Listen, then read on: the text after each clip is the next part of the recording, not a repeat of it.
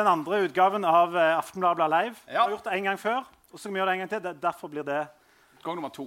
Ja. Takk. Dette er stadig vekk Leif Tore Linde. Han er jo et kjent misjonærbarn, avholdsmenneske og søndagsskolelærer fra Hommersåk. Jan Zahl. Eh, vi kunne godt fått en liten applaus, men vi hopper rett over på Jan Zahl. Dette er min kollega. Han har først og fremst eh, et hovedfag i sammenlignende politikk fra Universitetet i Bergen. Det bruker jeg daglig. Ja, han er en eh, landskjent gudsfornekter, iskald hedning. Mm. Eh, og stort mer er det vel egentlig ikke å si om deg. Nei. Men jeg, altså, jeg er en sånn type som lurer på hvordan går det nå i det nordlige Syria. Altså, han eh, Abu Bakr el-Baghdadi han, er jo nå før- han er jo bare før vi, begynner med det Ja. eh, der er, Det er tid anledning for alt, men er du tilfeldigvis markedet for noe dopapir? For jeg har, jeg har 30 sekker med, det, med dopapir som jeg er nødt til å bli kvitt, for jeg har en datter som skal på skoletur til Spania. ja, eh, så altså nå er vi altså i en Det situasjon der verden står i brann. ja, det det er bare 300, det og er bare du- du 300, kroner- det er bare 300 kroner for det er, det er marginal, Eller det er ganske mye dyrere Ja, enn i butikken, men Men til, i tillegg er kvaliteten har- litt ringere enn det du får i butikken. Det er sånn at Hvis du tørker deg, så kan du risikere at det sitter fast hvis du er litt Altså at du må til Ja, med nå, nå eh, Linde, Tørr. dette er altså ikke en dugnad. Dette er en podkast. ja, men hører jeg har 30 sekker jeg må bli kvitt. Og vi har huset fullt av dasspapir. Det er ingen fare. Det er ikke noe magesjau som tilsier noe han dette her. Okay. Eh, og nå skal vi altså lage sikker? podkast live, liksom. Det er det vi skal. sant? OK? Ja. Ja, ja. ja. Du stikker nå, ja? OK. Ja. Men, um, ok. ja. ja. Men skal, vi Er du i skal, markedet for en syltetøy, forresten? nei. nei. Jeg har, jeg har fire sånne esker med sånn Hervik syltetøy. Det er, det er publikumsfavorittene aprikos, Ja. boysenbær, Ja. plomme ja. Jeg er ikke helt sikker Ja, på. Er ja, okay. nei, nei, jeg er heller ikke interessert i, i syltetøy. Eh, Heller ikke fra Hervik. Jeg kan gå videre. Vi skal altså da lage Bomullssokker, kunne det vært noe? Eller sånne bambus? Det som folk ikke vet om de bambussokkene, er at hvis du går tom for dopapir, så funker de faktisk ganske godt Altså, å eh, Men, men er billig, eh, bambus er jo en tresort. Du eh, kan jo ikke ha på deg tre. Eh, Ah, okay. ja, men OK. eh, men altså, dette Småkaker har vi faktisk òg en eh, ganske god mengde hvis du kunne vært i markedet for det. ja, jeg, jeg har en uh, svoger eller hva det for noe som jeg allerede begynt å skrive på Facebook om at de skal selge noen spekepølser, så jeg vet hva jeg får til jul i år. Um, men uh, Men vi det, bytta noen spekepølser mot noe dopapir. For jeg har Ja. det er snak, vi snakker 30 sekker. ja, jeg, ja, mm. Du er sikker? Nei, ja, jeg er helt bomsikker. Jeg er helt bomsikker Og Nå foreslår jeg at vi går videre i programmet, hvis du kan få litt, litt uh, sånn framgang prøve å lage podkast. Vi, vi skal lage podkast, og vi skal gjøre det live. Som, og det er veldig kjekt at det er så mange i Stavanger for å, å, å være med og se på dette her.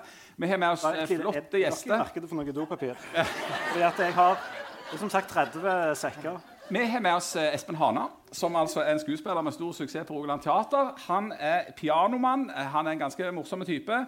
Lenge så drakk han til en svamp. Nå er han klink edru, og det har han til og med skrevet bok om. Og for at vi skal få den nødvendige liksom, akademiske dybden på dette, her, som folk med sammenlignende politikk oh, krever av et show, så har vi med oss en førsteamanuensis. Det er Janne Stigen Drangsholt. Hun skriver jo også bøker, og skriver ganske løgne bøker. Eh, hun skal snakke litt om dette med kunst og rus og sammenhengen mellom det. Pluss at du skal snakke om Og her har jeg tapt i hva vi skal snakke om i dag. For mot min vilje skal vi snakke om fotball. Nemlig. Det kjedeligste som Vi skal snakke om Viking. Vi skal snakke om fotball, som er det vakreste som fins. Det er det vakreste elleve menn kan gjøre sammen med klærne på. Det var ikke det, sant? Egentlig ikke det, det, var ikke det jeg skulle si.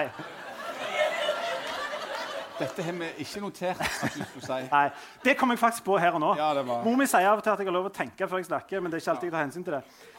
Eh, vi skal snakke om Viking, fordi eh, Viking skal altså spille en ekstremt viktig kamp i morgen. Semifinale i cupen. Um, og vi har med eh, Aftenbladet sin eh, sportsleder Stig Nilsen. Det er altså en snopepose av en mann. Han er i utgangspunktet opptatt, men eh, ja. Og så har vi med eh, eh, Bare vent til dere ser han. Og så har vi med Morten Jensen, som er assistenttrener på Viking. Ja. Eh, så skal vi prøve å fyre opp stemningen eh, litt der. Ja, og Når vi først snakker om tapte kamper, så har jeg òg tapt når det gjelder det musikalske. For Kristne Linde han er klart å lure med et helt gospelkor. Nemlig Randaberg Yngre Mannskor! Hey! Det, dere, dere kalde hedninger trenger all den hjelpen dere kan få for å nå det endelige målet igjen. Og det, er, det endelige målet er cupfinalen. Ja, faktisk, akkurat nå så jeg, er- Akkurat nå så er jeg litt sånn eh, jeg stri, er, Om det er himmelen eller cupfinalen Egentlig så går det ut på nokså det samme. Eh, forhåpentligvis begge deler. Du derimot kommer til å brenne til evig. Ja, det Det blir varmt og godt. Du kan faktisk bruke de til å sette fyr hvis du trenger i peisen. Ja. Her, Og eh, opptenninger. Sånne bambussokker brenner deg godt. Det har jeg ikke prøvd, men det er faktisk et godt tips. All right. Um, og så har vi jo deg med. Ja, ikke minst. Ikke Du har vunnet en liten kamp, og det, det, dette vet dere gjerne ikke. Men Jan er ikke bare en enkel hedning for Bryne. Nei. Han er òg forfatter av to hefter og ei bok om broren. Det er gjerne ikke det store. Det sånn at det, er ikke de store. Men eh, du, har fått, eh, du er medlem i Forfatterforeningen og sånne ting? Uh, Nei. Nei, du er ikke det, nei. nei. Lista ligger gjerne litt høyere. Men Ja, ei- skikkelig bok. Ja, ja. Du har eh, skrevet ei bok, Ja. og du har nettopp vært i Tyskland for å lansere denne boka. Ja. Og det er store greier, for du har vært på bokmessa i Frankfurt, Ja. som er verdens største. Verdens største. Der har dere vært og svingt dere og drukket Ja, ja, hvitvin. Og... ja. Det virker som alle omtrent i Norge som åpna ei bok, var på den bokmessa i Frankfurt. Eh, Så det var voldsomt trivelig og kjekt, altså. Men hvordan gikk det med boklansering? Du får vise den fram. da. Det er jo ingen som kommer til å kjøpe denne boken. å den. Den har den eh, litt nydelige tittelen 'Forbudne stemmer'. Altså, Vi reiste til Frankfurt, meg og, og Finn Våga, som jeg har skrevet denne med, for rett og slett å lansere denne på bokmessa. Eh, og det som ja, altså, så, jeg vet ikke hvor mange sånne internasjonale bokmesser dere har vært på. Jeg har ikke vært så veldig mange av dem. Men, men, men den fikk høre at det var, at det var voldsomt svært. Dette skulle bli voldsomt svært. Um, altså, eh, han, dette er gitt ut på Pelikan forlag, og han som liksom eier og har starta Pelikan forlag, det er Karl Ove Knausgård. Ja. Så han skulle rett og slett, Det var han som skulle introdusere denne boka eh, for, for oss i, i, i Frankfurt. Og Silje, et bilde nå, så skal vi få se. sant? Ah, Selveste Karl Ove Knausgård. Jeg har lest uh, ei av bøkene hans. Ti sider. Det var dritkjedelig. ja, han skriver Men, eh, heldigvis ganske tynne bøker. da. Uh, det, som, det som vi fikk vite liksom ei uke før eh, denne her lanseringen, det var at vi visste jo på en måte at Karl Ove Knausgård sannsynligvis kom til å komme og kom til å lansere dette. her. Men, men så fikk vi beskjed om at eh, kronprins Haakon han kom til å komme innom akkurat når vi skulle lansere denne boka. Og det kunne jo ikke finnes bedre drahjelp eh, på å liksom få lansert en bok. Nå har jo jeg litt erfaring med de du har hatt, ja, si det, du har hatt ganske stor suksess med med Denne kongelige type folk før? Ja, En gang så var jeg en 30-årsdag der jeg fikk ei, ei borddame som jeg satt og, og konverserte hyggelig med. Eh, og så litt utpå kvelden så begynte jeg å liksom emje litt om problemet med å vokse opp liksom i en, på en plass som Bryne og liksom ha veldig sånn synlige foreldre. Ja, for du hadde veldig kjente foreldre. Ja, begge, Mor og far er her en eller annen plass. De var liksom lektorer på gymnaset. så Oh, alle ja, veldig, hvem de var. Så uansett hvem jeg traff, så var det liksom sånn Å, ja, Et det er du kjendisbarn. ja, ja, det er du, du, er sønnen til, du er sønnen til Sal, du. Ja, mm. Ah, ja. ja, ja, ja. Så du emja om hvor tungt dette var? Ja. Til Märtha Louise. Eh, ja. Så, eh, men eh, men eh, nå, nå skulle jeg da nå skulle jeg da få møte broren, da, eh, ja. Håkon. han som kom innom akkurat i det vi skulle. Eh, og og, og eh, Nå kan det høres ut som jeg er sånn kongevenn og kongetype. Veldig glad i, i Du kan ikke fordra de kongelige. Jeg, Nei, jeg er ikke dem, men jeg er bare helt uinteressert. i Ja. Jeg er republikaner og, og altså, helt uinteressert i sånne kongelige ting. Og så er jeg jo veldig dårlig i markedsføring. Men, men, men eh, jeg hadde forstått såpass mye at dette ville være lurt at kronprins Haakon var innom akkurat når vi skulle holde på med denne her boka. her. rett som PR-messig. Ja, rent som Ok. PR-messig. For vi lever jo livet på Instagram og på Facebook.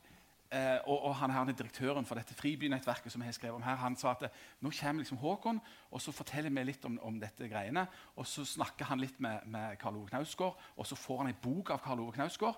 Og så etterpå så er det sånn bilde, og da kan vi stille oss opp, og så er vi liksom i lag med, med Håkon. Og, så, og jeg tenkte hm, det bildet må jeg ha. Det må jeg skaffe meg. Jeg må på, på Instagram. Av deg og Med- kronprins? Meg og Håkon og boka. Ja, den, er, det, den er jeg faktisk med på. Ja. Så, så, eh, så kom Håkon, da. Eh, og der sto vi da som noen konfirmanter og trippa, sjøl vi som ikke er interessert i de kongelige. Eh, lite grann. Og, og, eh, og Håkon, stakkars mann, han hadde akkurat fått en innføring. i- Der har du han. Der har du Håkon. Hvis dere ser meg bakfra, så kunne jeg muligens gått som Håkon i, Ja. i eh, Han kom, han, han, han plutselig så løfter Karl Ove Knausgård opp eh, boka og sier at dette er en veldig interessant bok. Kompis Håkon han ble litt sånn forfjamsa, for han hadde nok ikke regna med at han skulle få ei bok. og aner jo ikke hva dette er, men, men tar høflig imot. Og akkurat nå så er jeg dessverre litt sånn langt bak her. Så, altså, Du ser jo ikke meg her. Men, men på et visst tidspunkt så, kjen, så merker jeg at jeg stikker hånda fram og, for å hilse på Håkon. Og Han ser forfjamsa ut eh, nå òg, men, men jeg presenterer meg med navn, og det hjelper ingenting. uh, Han vet ikke hvem de Sal sine fra Bryne er. han, han har aldri gått på gymnaset på Ja, Bryne.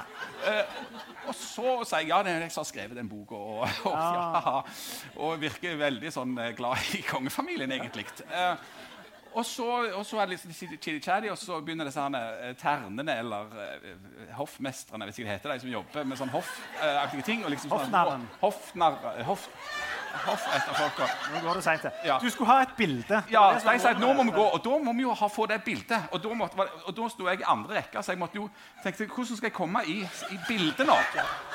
Eh, og så vet jeg ikke om dere har sett den Seinfeld-episoden der eh, George Costanza er på en fest, og så er det noen som roper 'Jeg tror det brenner'. Og så blir han helt sånn ellevill, så bare dytter han vekk kvinner og barn og mat og alt. i så hold på sånn. Sånn ble jeg. En mann helt uten ære og helt uten skam. Eh, dytter vekk eh, ting. Eh, og så, for Jeg ser at det er en ledig plass til venstre for den kommende kongen av Norge. Men der står det en stol, og den kjemper jeg eh, med så, eh, så godt jeg bare kan. Eh, og det går veldig dårlig. Jeg dunker nok borti han, og han eh, liksom lurer på hva dette er. Og, Dunker borti kronprins Haakon for å få flytta en stol for at du skal få tatt et bilde med. ja, det kan man vel si. Og så, men så kom det ei sånn terne- eller hoffperson eller narr, et eller annet sånt, og løfter vekk denne svære stolen, ei veverjente, sånn at jeg får kommet meg inn på plass. Og nå kan du få se. Oi! Og for de som nå eh, hører dette bare på lyd, så kan jeg fortelle at nå viser vi et bilde på storskjerm der du har altså ordføreren i Stavanger, direktøren for Fribynettverket Hvorfor står Kenny G på sida av dere? Kenny G. Dette er, eh, er Friby-forfatteren i, i, eh, i Stavanger for tida, Ali Durani. Så står eh, forlaget baki der, så står kronprins Haakon. Og så uh, yours truly, smilende litt fårete. Uh, mens jeg ser rett inn i kameraet, for vi har jo hyrt en mann. Asbjørn bildet. på Sølvberg til å ta det bildet. Så jeg ser på han, alle de andre ser en annen vei. Men jeg følte liksom For på det bildet så ser det litt ut som om de ser her. ja, De lurer nok på. Ja. Ja. Nå føler jeg ikke at det er reklame for den boka ble så god, da, for den er liksom eh, her. Ja. Så, ja. Men OK. Eh, dette, var, dette var det vi kom for. på mange måter. Eh, og så viser det seg at dette har gjort sterkt inntrykk på kronprins Haakon. Og det har det. Ja, ja. Han har sikkert drømt om å treffe salen sine fra sine for noen timer seinere så legger altså det norske kongehus ut Og de er jo sånn som å leve livet sitt uten Instagram og virke populære og drive med markedsføring. og alt det greiene der. De Så legger legger de ut bildet. bilde? dette bildet! Og dette er, For dere som ikke ser dette, som ikke har kjøpt billett, så er det det samme bildet. Ordføreren, direktøren, fribykunstneren Håkon. Og så har de klippet vekk én eneste person. Ja. Ja. Eh, enestående.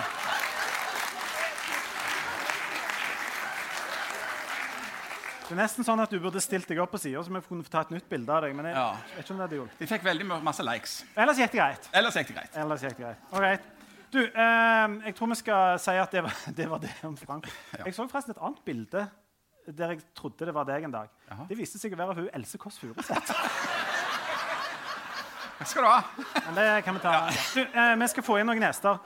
Eh, vi skal altså eh, få inn eh, Espen Hana og Janne Stigen Drangsholt. Men de kommer ikke inn, for de er litt sånn følsomme. så med mindre dere klapper enormt mye, så kommer de ikke. Så vi gjør et forsøk på det. Vi prøver å klappe inn Espen Hana og Janne Stigen Drangsholt.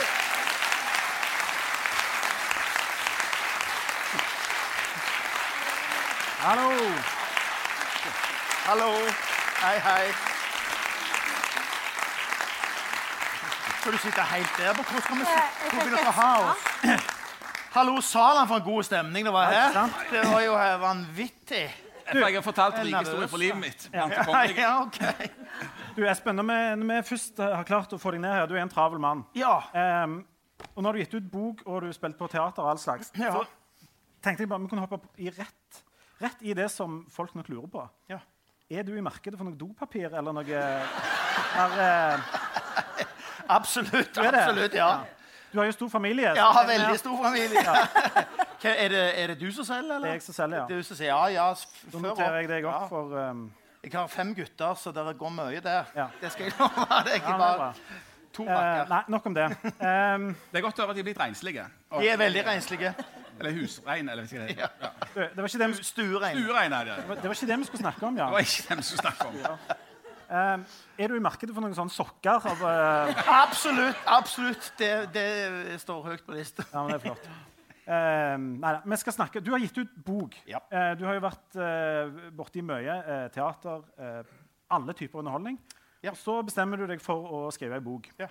Um, som bl.a. handler om at du eh, drakk en god del i ganske mange år. Veldig mye. Ja.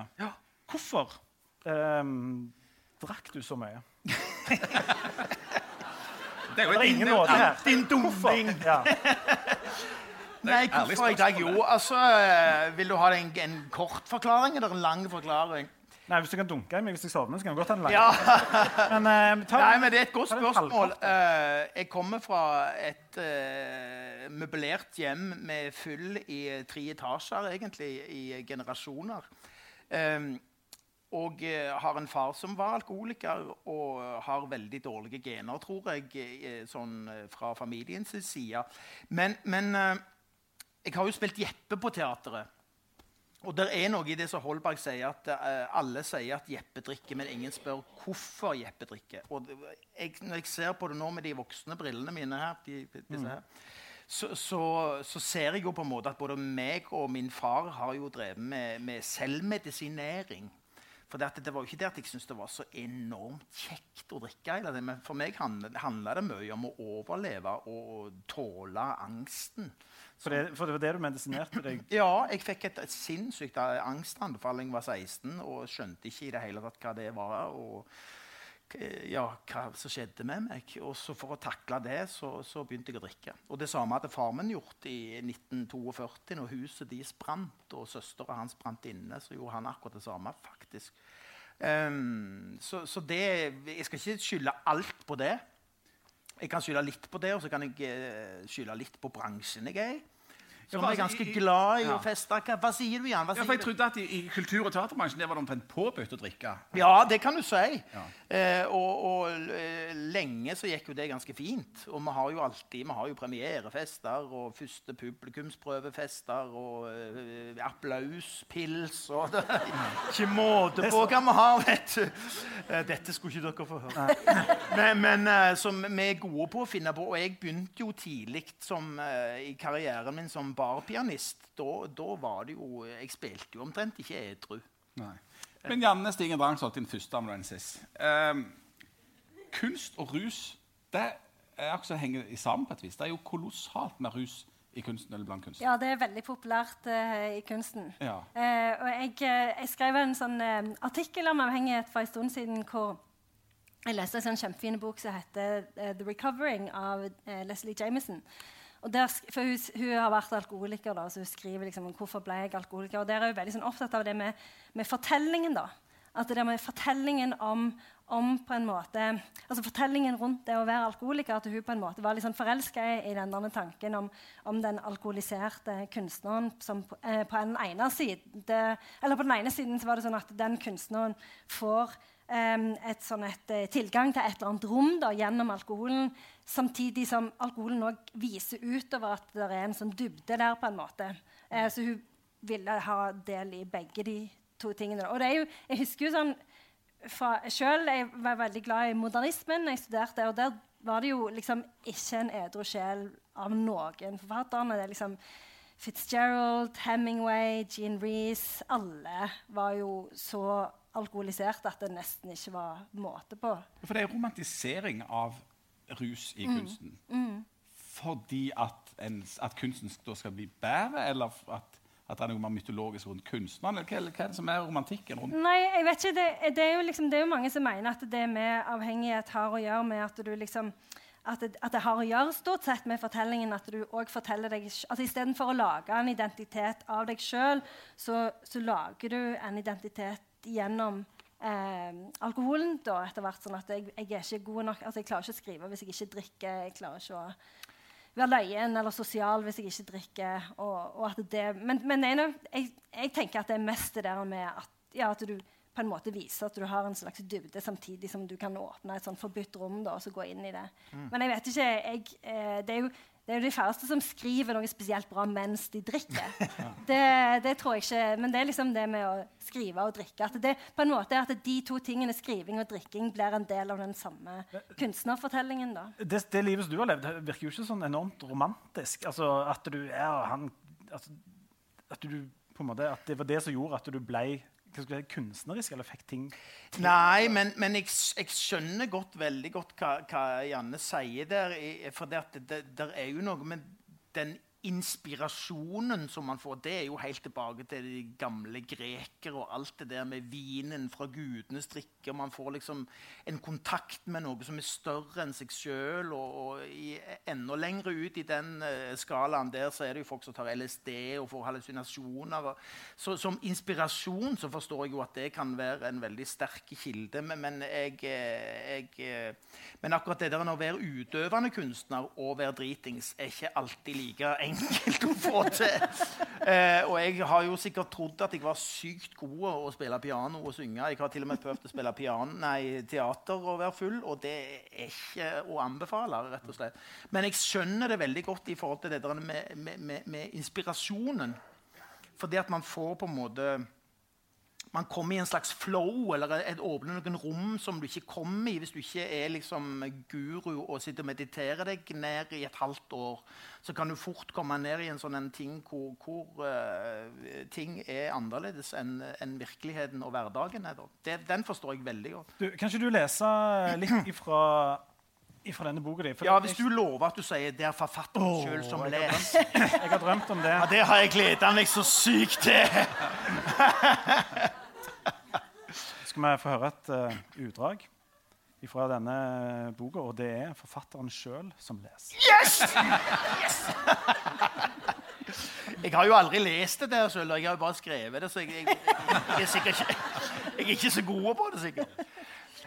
Det står en 17 år gammel gutt utenfor Rogaland Teater og spyr rett rundt hjørnet borten fra publikum som er på vei ut av teateret. De har nettopp sett Robin Hood og Villungene i Kongens skog under musikalsk ledelse av han som står der og spyr.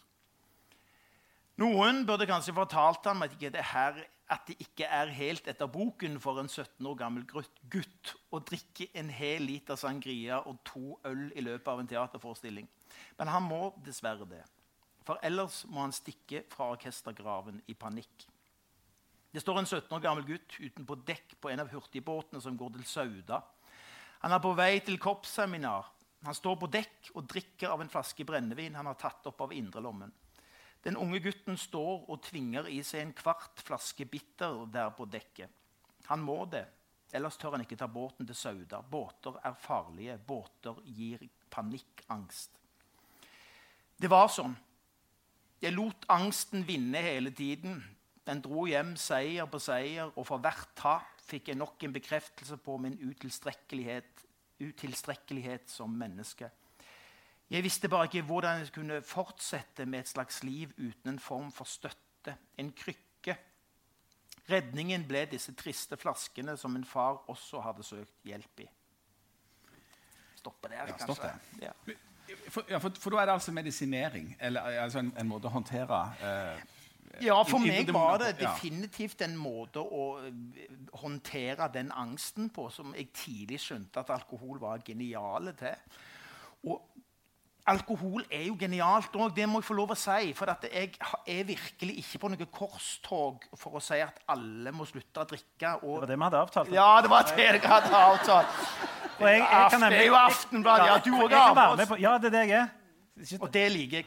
Men, men, men, jeg tror jo, ja, altså, men jeg tror jo at de fleste kan drikke. Og de fleste har stor glede av og, altså, Jeg merker det jo når du skal ha et, sånn, et selskap eller en premierefest og ta et glass vin, og det loosen opp stemningen og sånn. Det er jo genialt. Men, men eh, for oss eh, 10 av befolkningen, vi kan ikke det. Eh, og det, for oss er det virkelig eh, veldig ødeleggende. Men jeg, jeg, er virkelig ikke på noe korstog for at alle skal slutte å drikke. Men mange burde det, de som ikke kan det. Eh, så bare fortsett. for, for Janne, altså Kunstnere og, og liksom kreative folk de har jo da eh, presumptivt et eh, rikt indreliv og masse som bobler der inne. da. Altså, Hvordan er sammenhengen da mellom at, at en bruker rus for å dempe eller for liksom, disse symptomene og liksom klare å holde dem under kontroll? Eh, altså Er det sånn at spesielt kreative folk vil ha spesielt eh, mye de vil gjerne ha medisinert? Eller er det sånn at, eh, at alkoholen eh, frembringer mer eh, kreativitet? Og, altså Er det blitt skapt god kunst av rus? Nei, jeg vet ikke. Jeg tror kanskje ikke det. det fall, men det, da må du jo ha den balansen som du snakker om. Espen. For at det, sånn Skikkelig alko alkoholisme det frembringer jo ingenting. Det er jo bare en guffen liksom, bult på gulvet med oppkast. Så, men, men bare, det som er, er interessant med liksom, Avhengighet har jo ganske mye til felles med vane.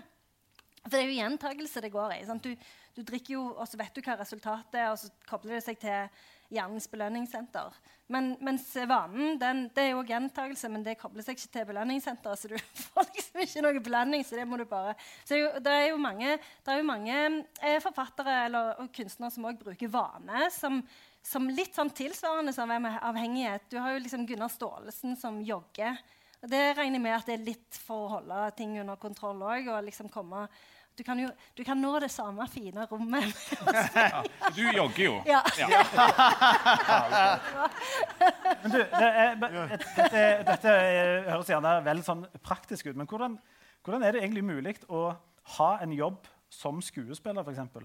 Når, når, når, du drikker mye og på en måte stort sett hele tida. Hvordan er det praktisk mulig? Nei, ja, det kan du si. Jeg, jeg, tenker at er, En ting er at du må jo gjøre selve jobben.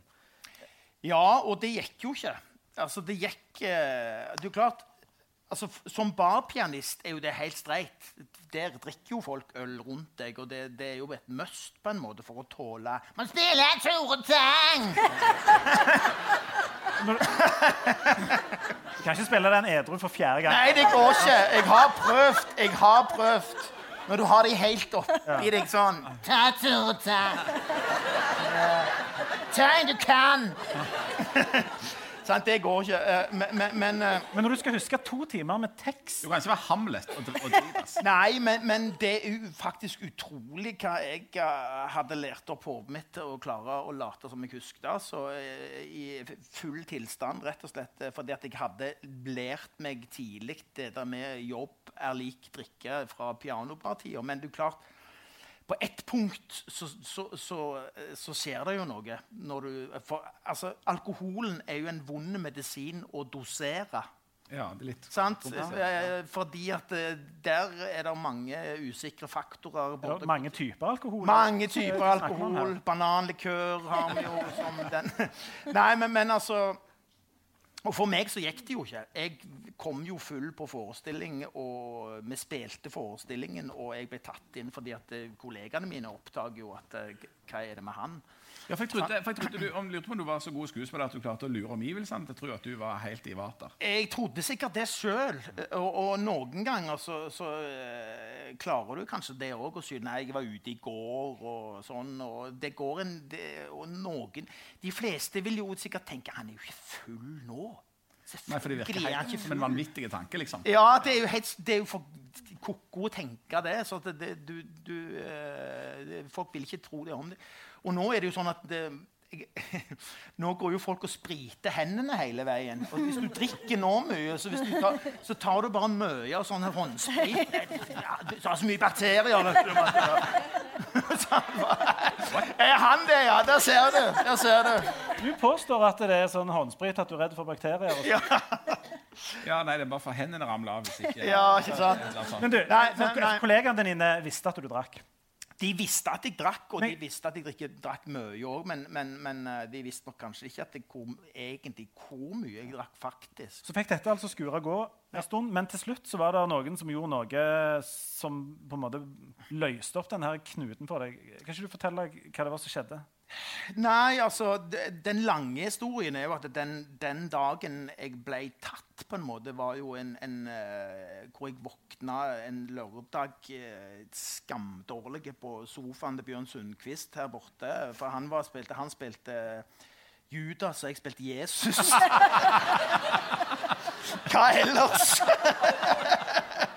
Og vi hadde mye gøy sammen og satt og spilte og leste dikt langt på nettene.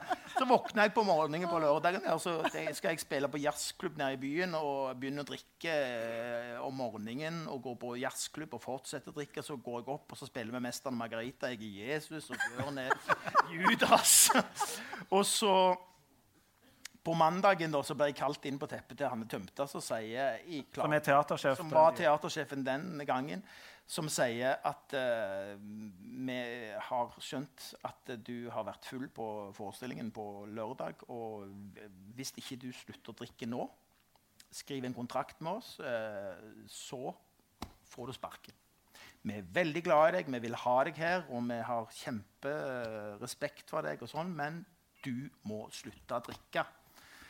Eh, en knallhard beskjed som jeg responderte helt supert på. Jeg, jeg responderer veldig bra på kjeft. Men du, for dette For ja, men jeg gjør det. Jeg mener seriøst. Kjeft jeg kan være helt topp noen ganger. For hun kalte ei spade ei spade og sa 'skjerp deg'. Men hør her. Du, en Ja. ting jeg tenkte på når jeg leste Ja, nå kommer han igjen. Ja. Du hadde, jo fått, du hadde jo fått en god del kjeft før det. Du hadde fått denne beskjeden av diverse kjærester. ja, det hadde jeg. av eh, mor til barnet ditt. Du hadde fått barn. Du har fått disse beskjedene av kona di, av folk rundt deg som sier ser du ikke at du har en sønn. du må ta det. Men de beskjedene gikk ikke, den kjeften gikk ikke. Hvorfor var det jobben? Nei, ja, det kan du si. Uh, det er, der er det jo tung forskning bak òg, viser det seg. At uh, det, det er faktisk sånn at uh, du kan miste både kona og rett til å være sammen med ungene dine og det ene med det andre, men når jobben ryker, det er det siste skansen for mange. Og det var det for meg òg. Altså. Jeg vet ikke hvorfor det er sånn. Det, det er vel gjerne fordi at det er på en måte den siste forankringen til på en måte Jeg tror Hvis jeg hadde mista jobben, så hadde det jo gått helt i dass. Ja. Altså- altså, for det, på de fleste arbeidsplasser altså, Hvis du hadde jobbet i fylkeskommunen eller til og med i Stavanger Aftenblad, og det var mye eh, fyll og, og fanteri, så hadde på en måte det blitt kobla på altså sånn akende. Det virker som om toleransen var høyere der. Og sånn som i akademia, Der også sitter det jo folk som har et ganske rikt indre liv. holdt på å si, og, og, og, og, det er et liberalt yrke der du kan være ganske egentlig overlatt til deg sjøl. Ja. Er det mye drikking i akademia? ja, ja. Enormt mye drikking. Ja, det er det, ja. ja ok. Ja, men det har vært altså, Men vi har ikke sånn eh, Hva var det det var? Lang premierepils og alt det Nei, der. dere har, nei? Nei, så det er litt dumt. Det skal vi begynne ja, men det er vinlotteri. Ja. Ja. Hva sa du? Ja. det er vinlotteri på fredag. Ja, ja, det er det jo. Mm. Nei, men det er veldig mye alkoholisme i akademia. Og jeg tenker det er jo litt sånn som det samme som du sier, Espen. Det er jo litt det der med angst og, og eh, psykiske plager. Og at du sitter mye alene, sitter mye alene og jobber. Og det er jo derfor de pøser så mye på med undervisning og sånn nå. For da er det jo litt sånn det regulerer seg sjøl. For du kan jo ikke dukke opp full på forelesning. Men du, om ikke det er et, en viss sånn, eh, si, en sånn kulhet forbundet med det å være litt sånn dritas eh, i Norge altså, vi, vi ser sånne eh, politietterforskere i litteraturen. Mm. er genier. Det eneste som klarer å, å hanke inn disse seriemorderne, er han som er helt sånn grøftedritas absolutt hele tida. Må hankes inn fra Thailand. Ja. Sånne ting. Og, og, og i filmer så er det jo geniene. De drikker tungt. Og, og altså de der personlige problemene som gjør at disse folkene blir spennende, er jo av og til kobla til f.eks. alkohol- eller rusmisbruk. Mm, det er så. Uh, men det er jo For jeg, jeg, sånn, jeg, når jeg leser den første uh, Harry Hole-boka Du begynte å lese Jo Nesbø, ja? ja, jeg, det, Han har gitt ut litt flere bøker. Ja, jeg har fått med meg det. Men nå har jeg lest den første. Uh, og eh, han, er jo, han er jo så dritings. Og så likevel så klarer han liksom å løse opp i det mysteriet. Så han vet jo ikke hvor han er. Han blir banka opp på en sånn bar.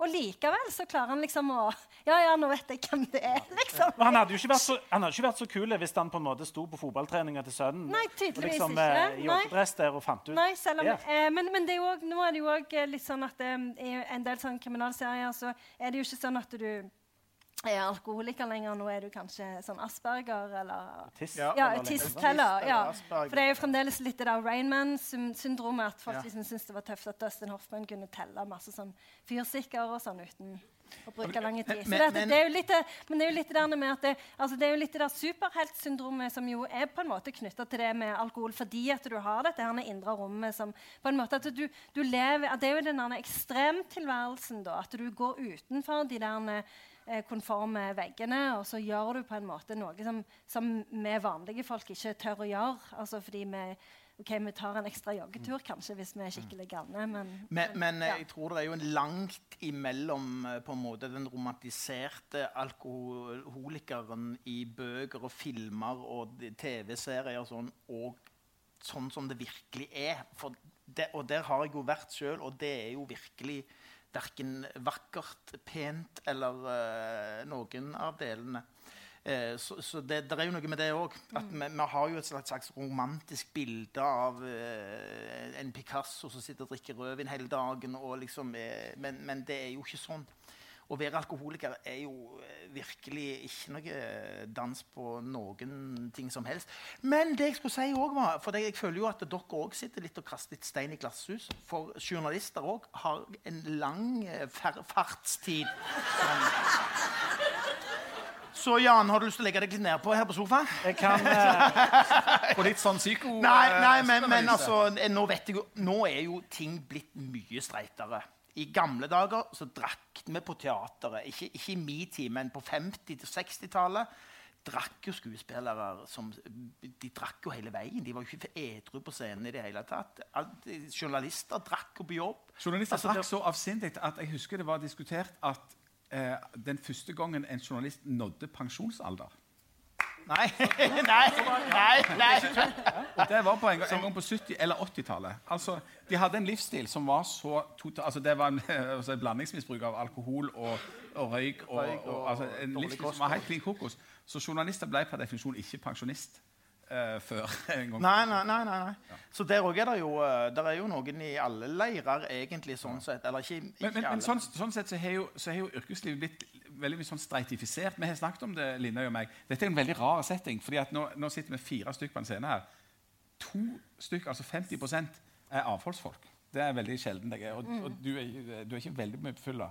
Verken når du skriver Ingrid Winther eller noen gang. Det er du, Jan, som drikker Jeg- mest. Det er du, Jan, ja, som, drikker eh, mest her. Men, og, og, ja. men, men, eh, men Leif Tore og meg har jo snakket om det. for dette, i, I journalistkretser så er det mye sånne myter om sånne gamle folk som jobbet der, og hvor dritas de var, og hvor mye løye de hadde, og alt den galskapen de fant på. Mm. Og så har vi snakket om hva er det de skal snakke om om oss. Absolutt ingenting. Men Absolutt kjedelig ingenting. at det, Vi er verdens kjedeligste personer. Det er sånn, å ja, en gang kom han, Ikke si ja, ja.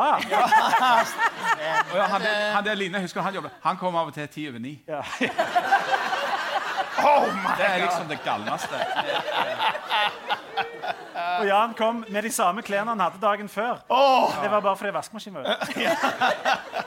Men du, nå, Nei, men det, det er jeg enig i. Og jeg, jeg syns òg på en måte at eh, det er blitt vel salig nå. For, eh, folk jogger litt for mye i min bok. Altså, nå er det Ja, men de, altså, det, det var mer galskap i teateret før, det kan jeg si. Det var mer festing, det var mer bohemtilværelse. Og som jeg syns var fint òg med det. Det var mer en galskap. Nå er folk veldig sånn Nå er det yoga, og nå er det jogging. og nå, Det er en helt Det er en radikal forandring. det kunne fått meg til å begynne å drikke det der yoga og jogge. Ja. Hva er det de løper etter? Hva er du løper ifra? Hva er du springer ifra? Janne? jeg er jo livredd hele tida. Så det er jo liksom enten Det er dødsangsten. Ja, det er dødsangsten, eller- ja. så Du, for det, du, har, altså, du, du sier jo at du har drukket pga. angst. ikke Sant? Og du har eh, noe som jeg trodde lenge var at du tøyste med at du hadde dødsangst. Men du har Ja, ja. Reelle Hele tida. dødsangst. Hele tida. Du er livredd for å ja, dø ja, hele. Fra jeg står opp om morgenen til jeg eh, legger meg om Har du tenkt noen gang at du kunne ha døyva det du med alkohol? Hvis du begynner å drikke Ikke, det er ikke et forslag. Det er ikke et forslag. Det var bare om du på et akademisk nivå hadde tenkt tanken om at Jeg kjenner jeg får dødsangst for alt du sier. Skrive en bok om dette, Leif Tore, eller? Nei, men, eh, jeg er enormt redd for å bli alkoholiker. For jeg er òg redd for andre ting. Det er ikke bare det å dø. Man blir jeg er avhengig av ting. Ja, jeg er veldig redd for å bli alkoholiker fordi at eh, jeg eh, er veldig redd fordi at jeg skal, liksom, at det skal bli viktigere for meg enn ungene, f.eks. For, eksempel. for det er jo det som skjer. At du prioriterer jo det foran alle de andre. Og da, som barn å kjenne det at, du, at det er noe som er viktigere enn deg. Eh, Det tror jeg er et veldig godt poeng. For det følte nemlig jeg. At jeg var på en måte litt langt nede på far min liste mm. over ting som var viktige. Og det, det er veldig godt sagt. du er Men det, det, det spesielle med deg, Espen, er at du gikk ut av det kontoret Johanne Tømte hadde skrevet under en kontrakt, Ja. og så slutta du å drikke. Så slutta jeg å drikke. Og hvis det var så enkelt, holdt jeg på å si, da hadde jo folk sluttet. Ja, og jeg er klar over det. at Det, så, det, det høres jo ut som ja, ja, eh, det hørtes nå veldig enkelt ut. Men og jeg må jo bare snakke for meg sjøl. Men for meg var det utrolig befriende å på en måte si det høyt og tydelig. Og det har jeg jo gjort nå i lengre tid. Snart en halv time. Ja, Nei, nei men, men, for meg eh, så var det veldig eh, Det var et befriende øyeblikk det der at jeg kunne si ja, jeg er alkis og har tenkt å gjøre noe med det.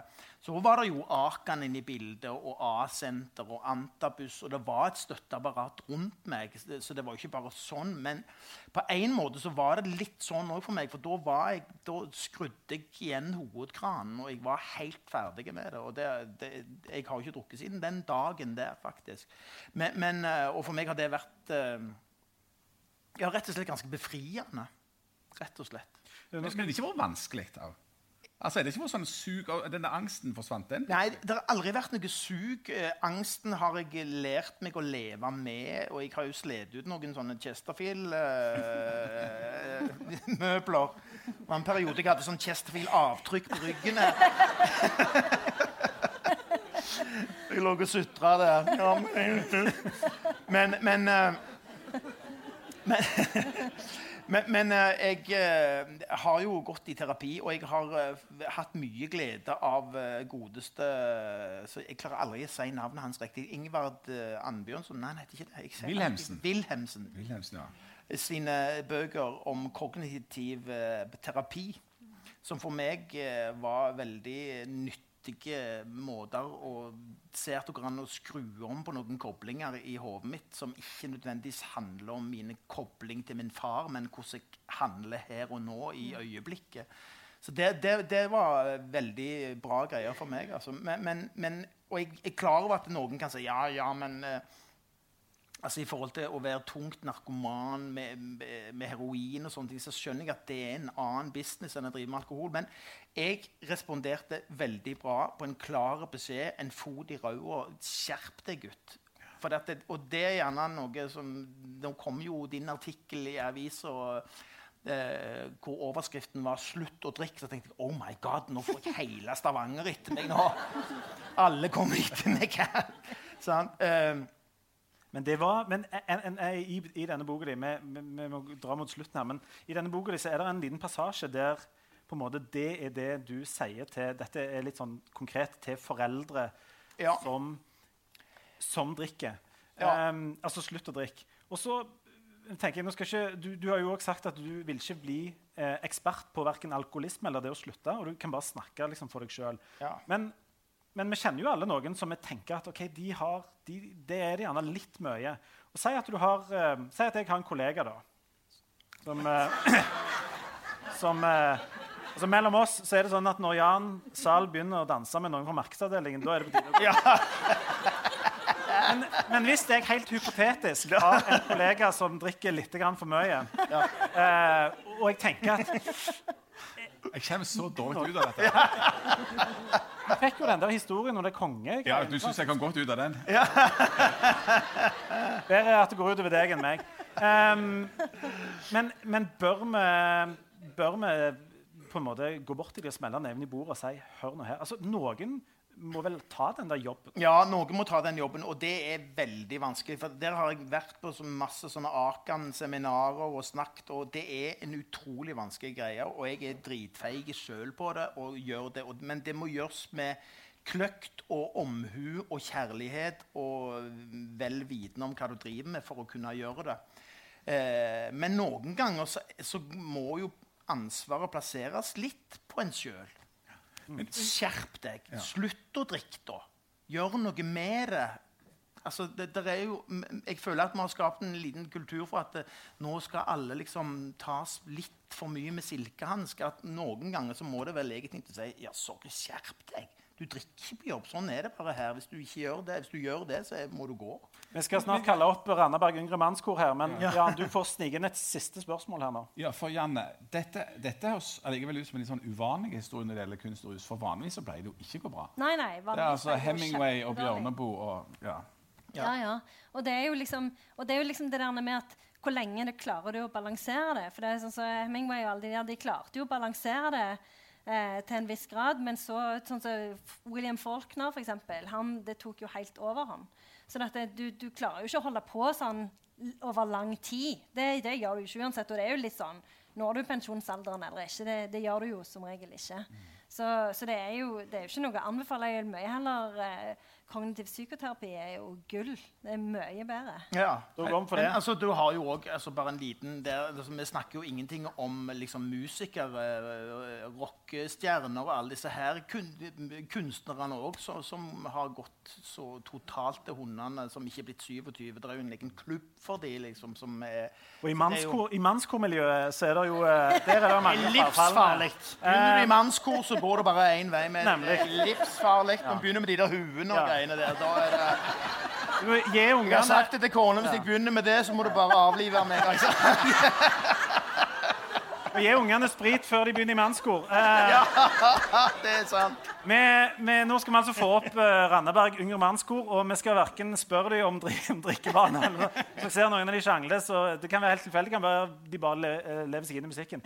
Vi sier foreløpig eh, hjertelig takk til Espen Hana. Og Janne Stigen Drangsholt. Og så ønsker vi velkommen Randaberg yngre mannskor. Velkommen opp, gutter.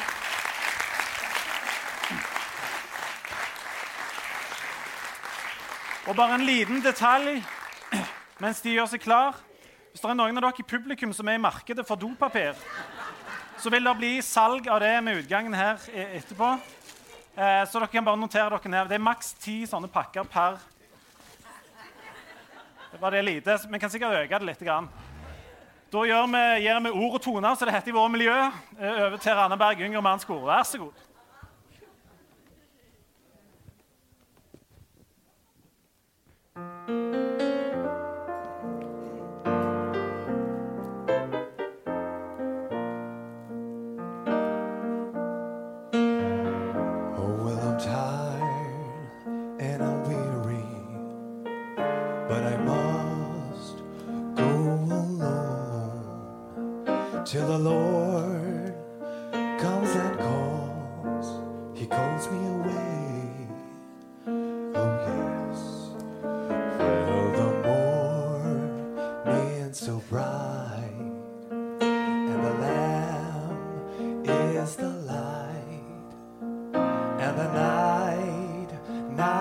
Cold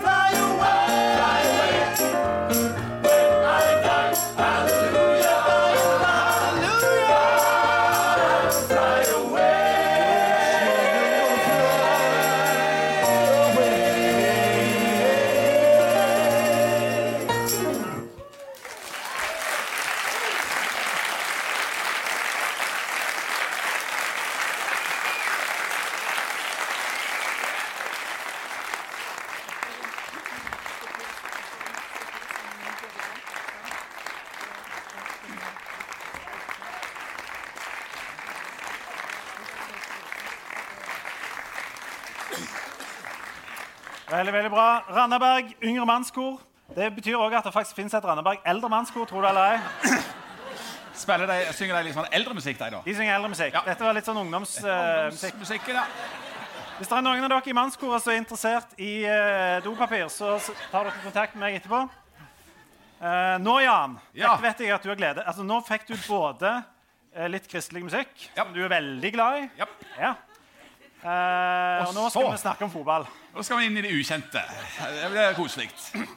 Jeg er vel omtrent så interessert i fotball at jeg aner jo frem, for ikke hvem Viking skal spille mot i morgen. Skal Jeg har forstått at de skal spille en kamp i morgen, fordi at egentlig skulle vi hatt denne livesendingen i morgen.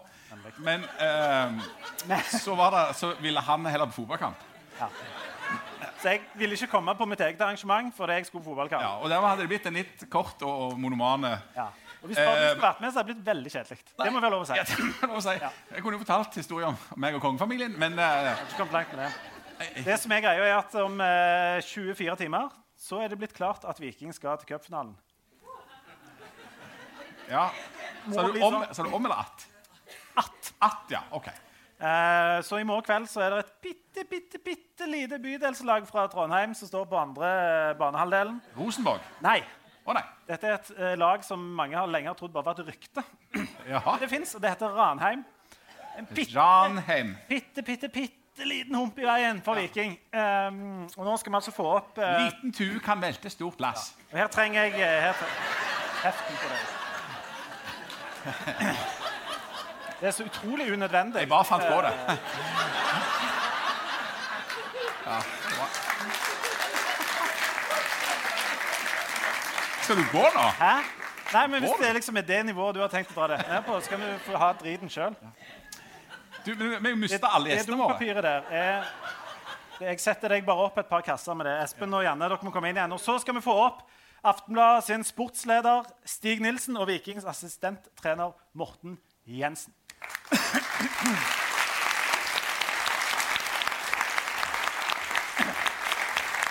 Da har vi de. Velkommen. Velkommen. Gjerne. Dere får sette dere der borte. Du, du, du som sitter nærmest deg, for jeg aner ikke. Så sitter jeg borti kunsten her, og så Gutter, Nå er det oss mot resten. Ja, men det går bra. Nei, Nå er vi omgitt av idioter her. Um, men det får vi, det får vi klare. Um, det, Vi gjør alt vi kan for at du skal få skinne. Hvis du bare er rolig i ca. 20 minutter nå, Jan, så eh, tar, vi, tar vi dette. OK. I morgen, eh, nå, nå er det altså 18 år siden Viking var i en cupfinale sist. Ja. Jeg var bare et barn. Jan var jo Du er fremdeles bare et barn. han var fremdeles bare i 40-åra. Ja. Ja. Eh, men 18 år siden sist, eh, Stig. Hvor, stort, altså, hvor stor er den kampen i morgen? Ja, Den største spilles jo 8. desember. Ja. Men for å komme til den største, så må du gjennom det som eh, Jan omtalte som ei lita tue. En liten tue? Ja. Ok. Eh, Det er stort. det er kjempestort. sant? Ja, altså, det er jo bare fotball. Men, Nei, nei, nei, nei, nei, nei, nei, nei. ikke begynn på òg. Det er oss mot de eh, her. men for de som er glad i fotball, så er dette veldig stort. Ja, det er det største altså, Komme til cupfinalen i Norge er for dere Det er sikkert noen Er det noen som ikke er interessert i fotball? Ikke rekk opp hånden, bare vær kjeft på deg. Det er noen som ikke er interessert. Men- Ja, og, ved- og ved- å komme til cupfinalen er om, så stort som det blir i Norge, bortsett fra å vinne serien. ikke sant? Ja, du, du kan spørre Morten. Han er jo trener i Viking og ansvarlig for dette i hverdagen. Det, men altså, cupfinalen er jo et sted hvor du kan dra til Oslo sammen med likesinnede. eh, Klasseløst samfunn. Det er alle som heier på ett lag. Og sammen kan du oppleve en glede og en festhelg i Oslo som forhåpentlig ender med vikingseier. Og det er det samholdet og den gleden der, og at det laget du er glad i, gjør deg glad. Og det gjør noe for byen her. Jeg husker, jeg, Nei, jeg bodde, nei. Oslo, eh, bodde i Oslo en ti års tid. Jeg husker de der dagene når det var sånn cupfinale, for da rymte du fra sentrum, for det var så mye av den gleden, gleden og samholdet der. Uh, at det var viktig å komme seg litt ut i bydelene. Eller kanskje ut i marka. Se hva jeg kan jobbe med i hverdagen her. når vi, jeg jobber med de to hver dag. Sitter rett mot dem. Jeg og deg har god tone, vil jeg si. Vi har det. Vi er kanskje ikke så god tone. en gang i året så får man ekstra god tone. Fordi det er på julebordet. Da får vi fire sånne bonger. Jeg får hans fire. Strategisk. ja.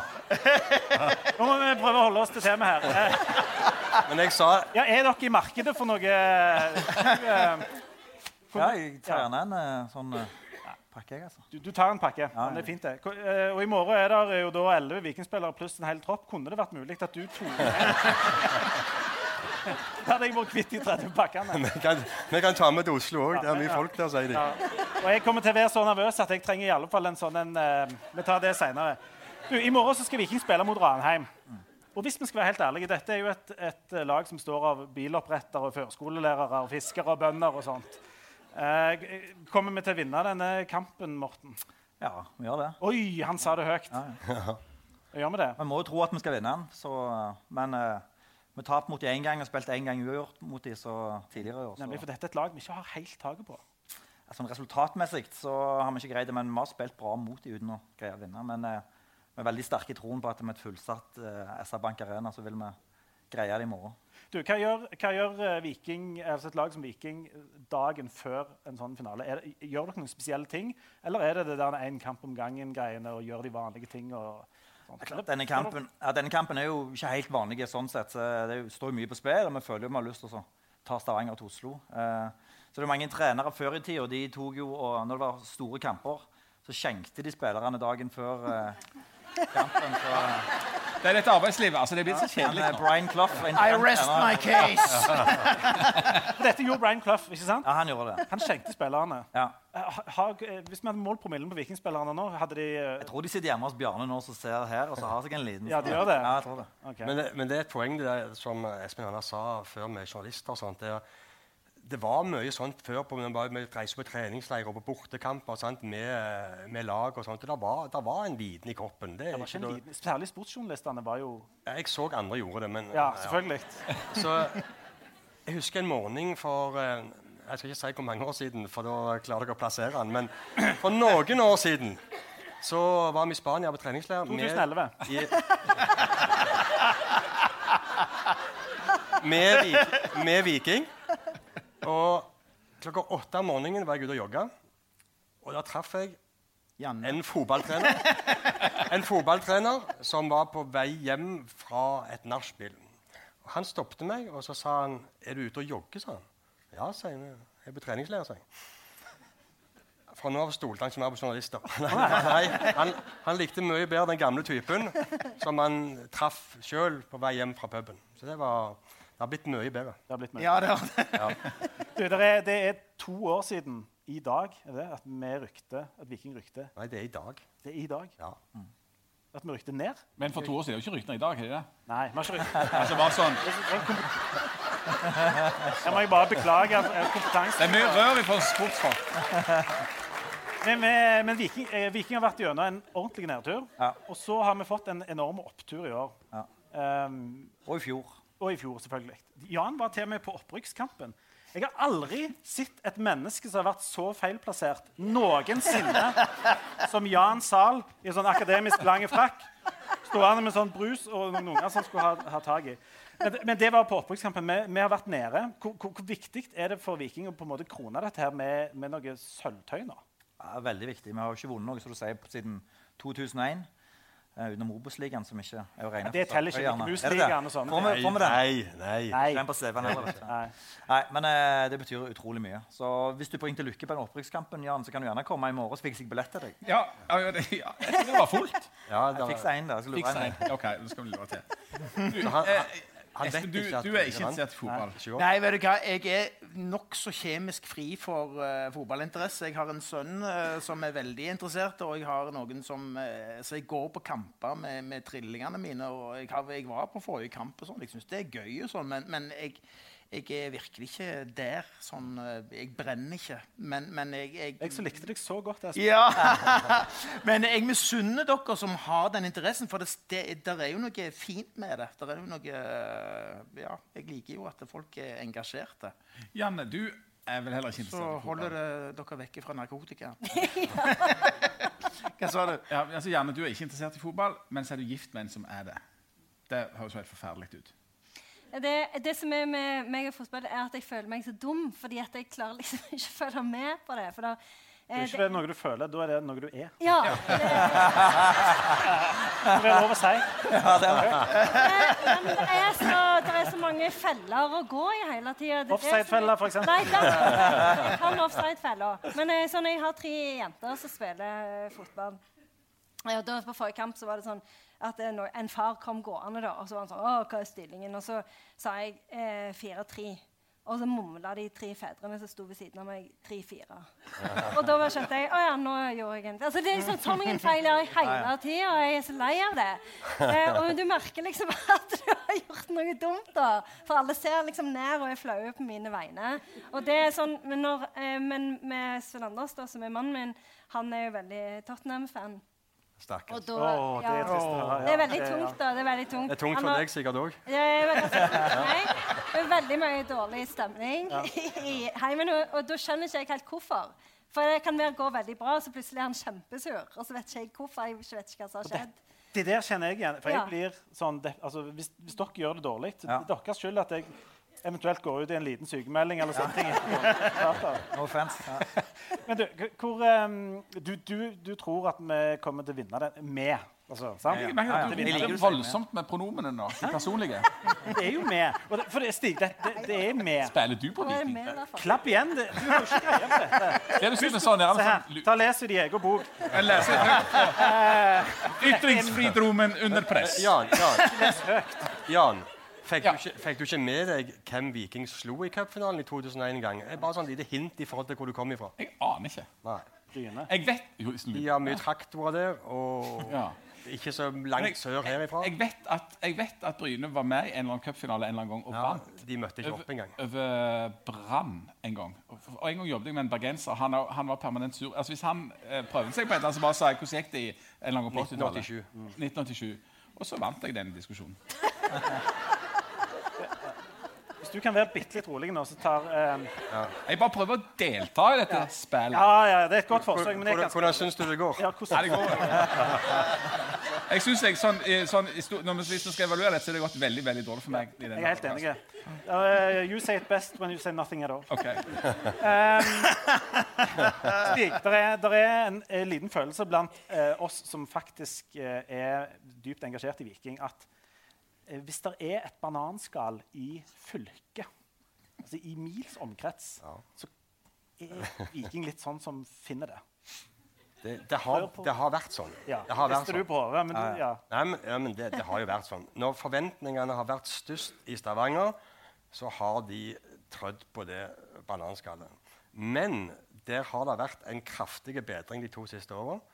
Hver gang det har vært stappfullt på stadion, så, og folk har kommet med masse forventninger, så har Viking innfridd. Det har skjedd tre ganger de siste 12-15 månedene.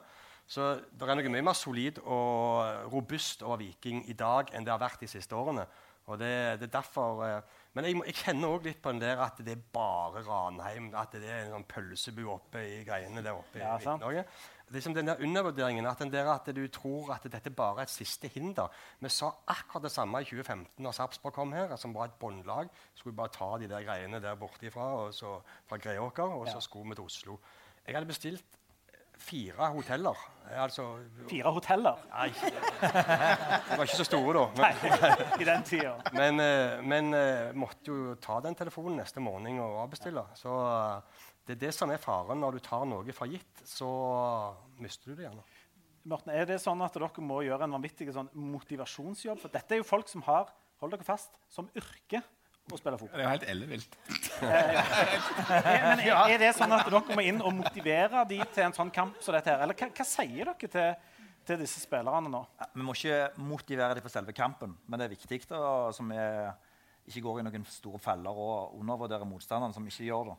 Så vi er veldig godt forberedt, og de er jo profesjonelle. Dette er jo levebrødet deres. Så eh, vi frykter ikke noe sånn at det skal mangle verken motivasjon eller at vi skal undervurdere noen eller ting som ikke vi har forutinntatt. Eh, Så vi har gått gjennom alle eventualiteter, på en måte, sånn scenarioer. I, ja, et, vær et Jan. spørsmål fra, fra sammenlignet politikk her. Som jeg, jeg sånn genuint lurer på. Hva er det som gjør at Viking er gode nå, da? Altså Er det helt andre folk som er med på laget nå enn i fjor? Dette er eller, nivået. eller har dere liksom sprunget ekstra mye, eller trent, eller hoppet, eller sikta, eller sånt? Eller, altså, er, det, er dere trent? Jeg vet ikke. Ja. Jeg tror hemmeligheten ligger med hoppet mye. Var veldig mye hopping. For du må jo hoppe når du skal ta den inn på hodet sånn. For, for å prøve å svare litt sånn For det spørsmål. Det, er dette et dumt spørsmål? Nei, ikke det Ja, det. Det er jo et godt I min spørsmål. bok. Okay, men la, okay. Dette er litt sånn som når ungene er med deg på ting. Du får bare late som om det var greit, så får vi Ja. svare. så Jeg må svare sånn todelt på den. Det ene handler jo selvfølgelig om spillergrupper vi har samla. Rekruttering. Eh, Hente de rette personene som har den rette sulten og den rette driven for å få til dette prosjektet. Jeg tror Viking gjerne tidligere har henta spillere som er metta, profilerte stjerner som ikke har vært like sultne.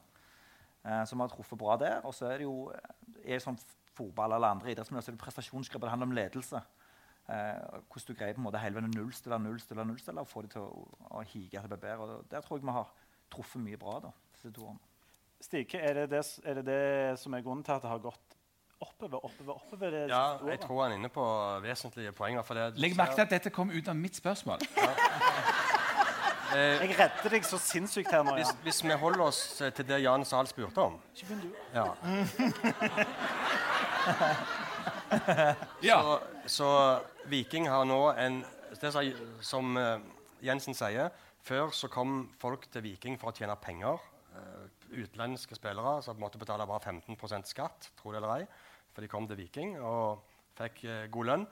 Nå har Viking henta en gjeng med sultne unge spillere, kanskje noen som ikke har vært i Eliteserien før. eller Lokale. kanskje lokale.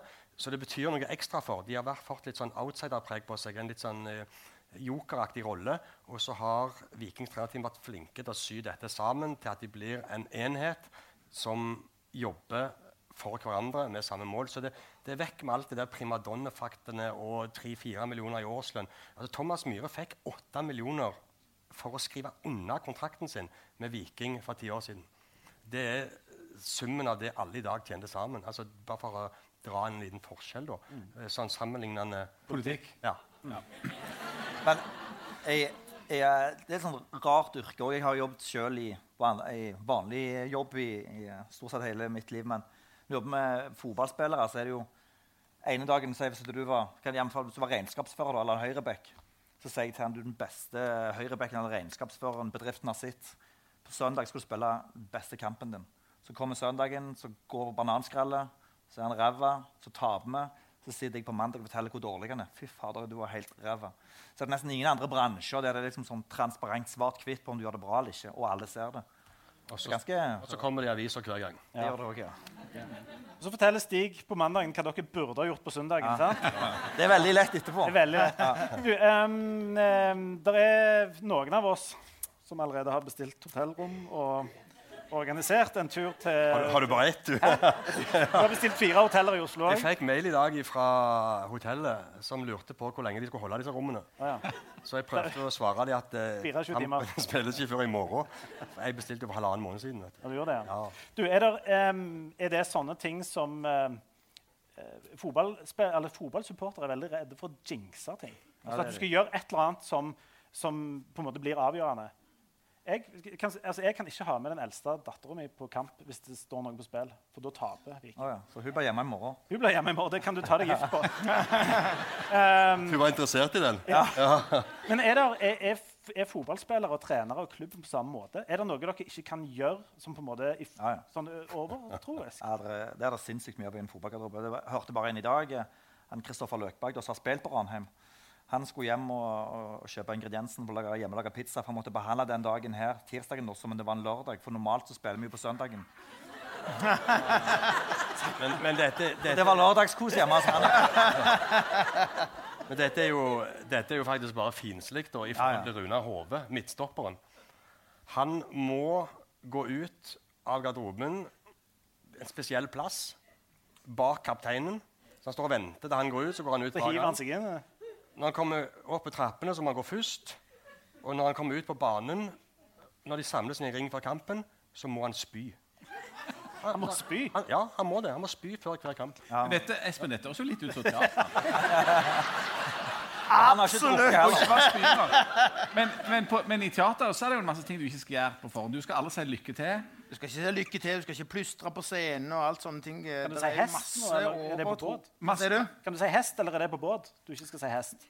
Ja, det er på båt, tror jeg. Det er på båt, ja. ja. det er på båt. Du skal ikke ha personlig privat hatt på scenen og sånne ting. Så Men, og så eh, går du på scenen, så er det et lag, og så etterpå så står det avis og hva de skulle gjort annerledes. Ja, så det, det er jo mange likhetstrekk. Men, men, men eh, jeg tror mye av overtroen har jo eh, praktiske, historiske grunner. F.eks. det med plystring på scenen. For det var jo i gamle dager så hadde de eh, mye sjøfolk som var scenearbeidere og dro i trekkene, og de kommuniserte via plystring. Eh, og så Derfor hadde vi ikke lov å pustre på scenen. For Risikerte å få det sceneteppe i kom der liksom en skog ned. Og, ja. Så det har eh, opprinnelse i det greiene der, faktisk. Men har, har du noen Plystring er jo ikke bra. Nei, det, det er helt sant. Vi skal holde oss for å plystre. Har du noen sånne ting sjøl? Nei, jeg har dessverre ikke noen sånne. Ingenting? Ikke sånne trekk. Jeg har sikkert mye annet rart. Ja. også, der er, men det er noen fotballtrenere som ikke vil si at vi kommer til å vinne, for eksempel. altså, som er veldig sånn kjipe på det. Men du går ut og sier at dette kommer til å gå veien. Ja, jeg tror jo det, så da må du si det. Ja. Stig, er du enig? Ja, Viking er jo store favoritter uh, til kampen. Det er de jo. Eh, men- 50-50. Nei, det, det, er, det er Tore Hergansson. Det er håndball. Ja. Det er håndballandslag for damer. Det er alt 50-50. Det er sånn Er at det 60-60 her, kanskje? Hvis vi er litt... Ja, det er det. Det er, det er, Det er 50-50. det er minst, minst, minst, Minst 60-60. Ja, minst. Kanskje mer. Eh, nei, Viking er favoritter. Det kan de ikke komme unna. Eh, de møter et lag som ligger sist på tabellen i Eliteserien. Eh, og Det betyr jo ingenting i morgen. det. Nei, men Det viser jo litt om styrkeforholdet mellom lagene, da. Så det Keep it going Så her. ferdig med den! Så hvis du bare klapper igjen, så er det Nei, men um, det er en annen ting. Hvor, hvor mye Støtt meg, Jan. Nei, ja, han inn i dette. Hysj, Jan. Eh, hvor mye Jeg mener det helt seriøst. Ehm, hvor, ehm, hvor mye betyr det hvor, mye stor, hvor stor forskjell er det å spille på en halvfull stadion og en full For i morgen kommer det til å bli fullt. Ja. Hvor stor forskjell gjør egentlig det for de som springer ut på det? Ja, det betyr enormt. Iallfall i hvert fall den spillergruppa vi har, de, de higer etter den energien det publikum gir. Så jeg forventer et vikinglag som presterer ekstra godt i morgen og, eh, og får støtte av publikum. Så eh, ja. Du kan ikke sammenligne det med en halv tribune og en full tribune. Liksom. Det er to forskjellige verdener. Stig, hva er det som er, er grunnen til at det kommer 15 000 med en fotballkamp i, i morgen? Hva er det som er feiler oss? For du mener at det feiler oss noe, ikke sant? Eller at, skjønner Ja, hva det er? Jeg Spinngalne. spurte hun. Jeg, bare melde meg på. nei, men, men, eh, men det det Altså, altså, altså, det- Forklaringen er helt åpenbar. Det er fordi at, Kjegler for at vi flytta Aftenbladet fra onsdag til tirsdag. Ja, men bortsett, bortsett ifra det. Um, det er jo mange som mener at vi er for, altså, si, at, for eksempel, si at du er en mann på 39 som en gang flytter en sydentur for å komme hjem til å se Viking Lillestrøm spille 0-0. Som ikke skjønner Og ingen som ville gjort det. Eh, Men hva er det som gjør at det, er, det kommer 15 000? Nei, men altså, det, det er jo Det var jo ingen altså, Det er samme som teaterstykker, konserter. Dette er et sted hvor folk samles om noe som de kan bli underholdt av, noe som de kan bli glad av, noe de kan oppleve sammen med andre. Og det, det er klart det er mye folk, men det viser jo hvor lite oppturer Viking har gitt i de siste årene. At når de endelig har sjanse til å få noe her, så tror jeg veldig mange av dem tror at det, det hjelper de å være på semifinalen når de skal dele ut disse, selge disse få cupfinalebillettene hvis de kommer der. For da er det jo ikke alle som får langt derifra. Da gjelder det å vise seg. Har du har vi noe Vi ordner oss. Vi ordner oss, ja. er du Jan, i markedet for eh, litt dopapir? og Ja, Skulle du fått med bambussokker, eller? Kjøpe et par sekker, sånn, så kan jeg muligens skaffe deg eh, via ad omveier, som det heter. Cupfinalebillett. Hvis du hadde fått tilbud om å, å reise, hadde du reist? Til Oslo? Det er å se cupfinalen i Oslo med Viking. Jeg har vært i Oslo masse før. Jeg Jeg har sett den byen. Ser du hva vi har eh, Ser dere jeg har å stri Vi er? Frogner, og så er det Frognerparken, og så er det Grünerløkka der. Det er en helt annen kamp. Okay, nå skal Kronprinsen er jo der, da. Kronprinsen jeg kan jo besøke min gode venn Håkon. Kan høre hva han syns om boka. Det er bare én ting som er helt sikkert, og det er at kronprinsen kommer aldri til å lese det der heftet. Kom an! Det kommer aldri til å skje. Eh, vi, vi, vi er nødt til å avslutte. Vi skal tippe, tippe resultat. Vi begynner i det inkompetente. Ja, ja, Ja, han. han har lest min bok. Kronprinsen. Ja, Jan, du mente Jan. Jan har lest den. Sa han det var kjempebra? Han sa han lo og lo og lo. Lo og lo og lo. Det jeg, jeg la merke til jeg jeg da jeg møtte kronprinsen, var at han var utrolig sånn høflig. Ja, han var det. Alle han møttes, så sa han å, mm, interessant. Jeg lo og lo og lo. Han sa Han var